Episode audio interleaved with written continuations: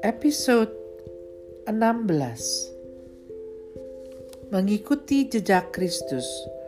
Buku pertama Nasihat-nasihat untuk hidup rohani Pasal 16 Sabar terhadap kekurangan orang lain.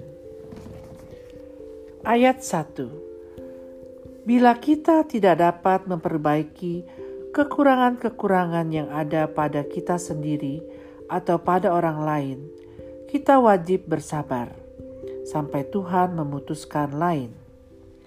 Hendaklah kita ingat bahwa barangkali lebih baik demikian untuk mencoba dan melatih kesabaran kita.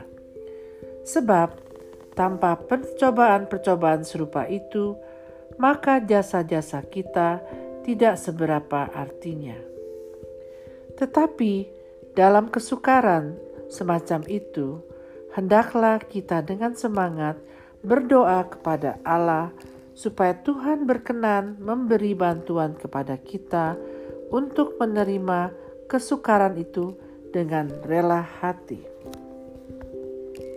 Ayat kedua, bila telah satu atau dua kali kita memperingatkan orang dan ternyata bahwa ia tidak mengacukannya, baiklah kita jangan bertengkar dengan orang itu.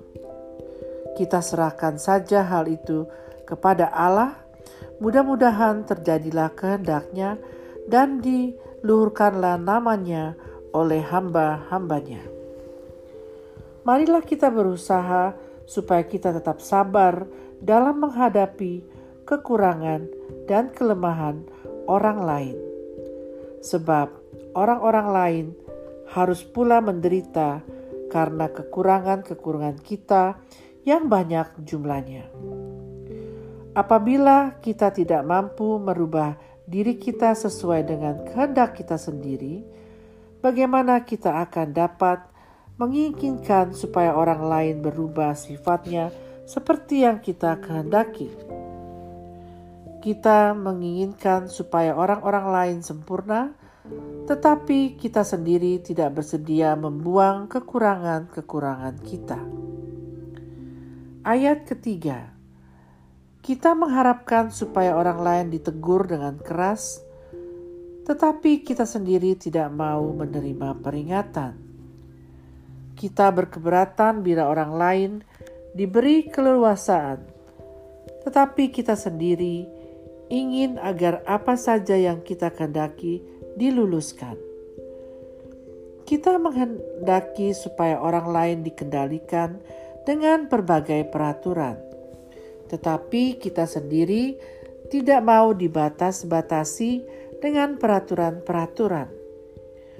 Demikian teranglah betapa jarangnya kita menggunakan ukuran yang sama terhadap diri kita sendiri dan terhadap diri orang lain.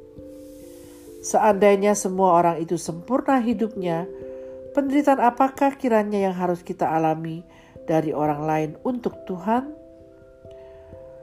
Tetapi memang sudah menjadi kodrat ilahi bahwa kita harus belajar yang satu memikul beban yang lain. Galatia 6 ayat 2 Sebab tak seorang pun tanpa kekurangan, tak seorang pun tanpa beban, tak seorang pun mampu mencukupi kebutuhannya sendiri, dan tak seorang pun mampu menyelesaikan kesulitan-kesulitannya sendiri. Oleh sebab itu, kita wajib bantu-membantu, saling menghibur, dan tolong-menolong, saling memberi nasihat, dan saling memberi penerangan. Justru dalam menghadapi keadaan yang untung malang, maka nampaklah betapa besar kekuatan orang. Sebab kemudian itu tidak membuat orang menjadi lemah, tetapi menunjukkan kekuatan orang yang sebenarnya. Dikutip dari The Imitation of Christ, ditulis oleh Thomas A. Kempis, ahli bahasa oleh J.O.H.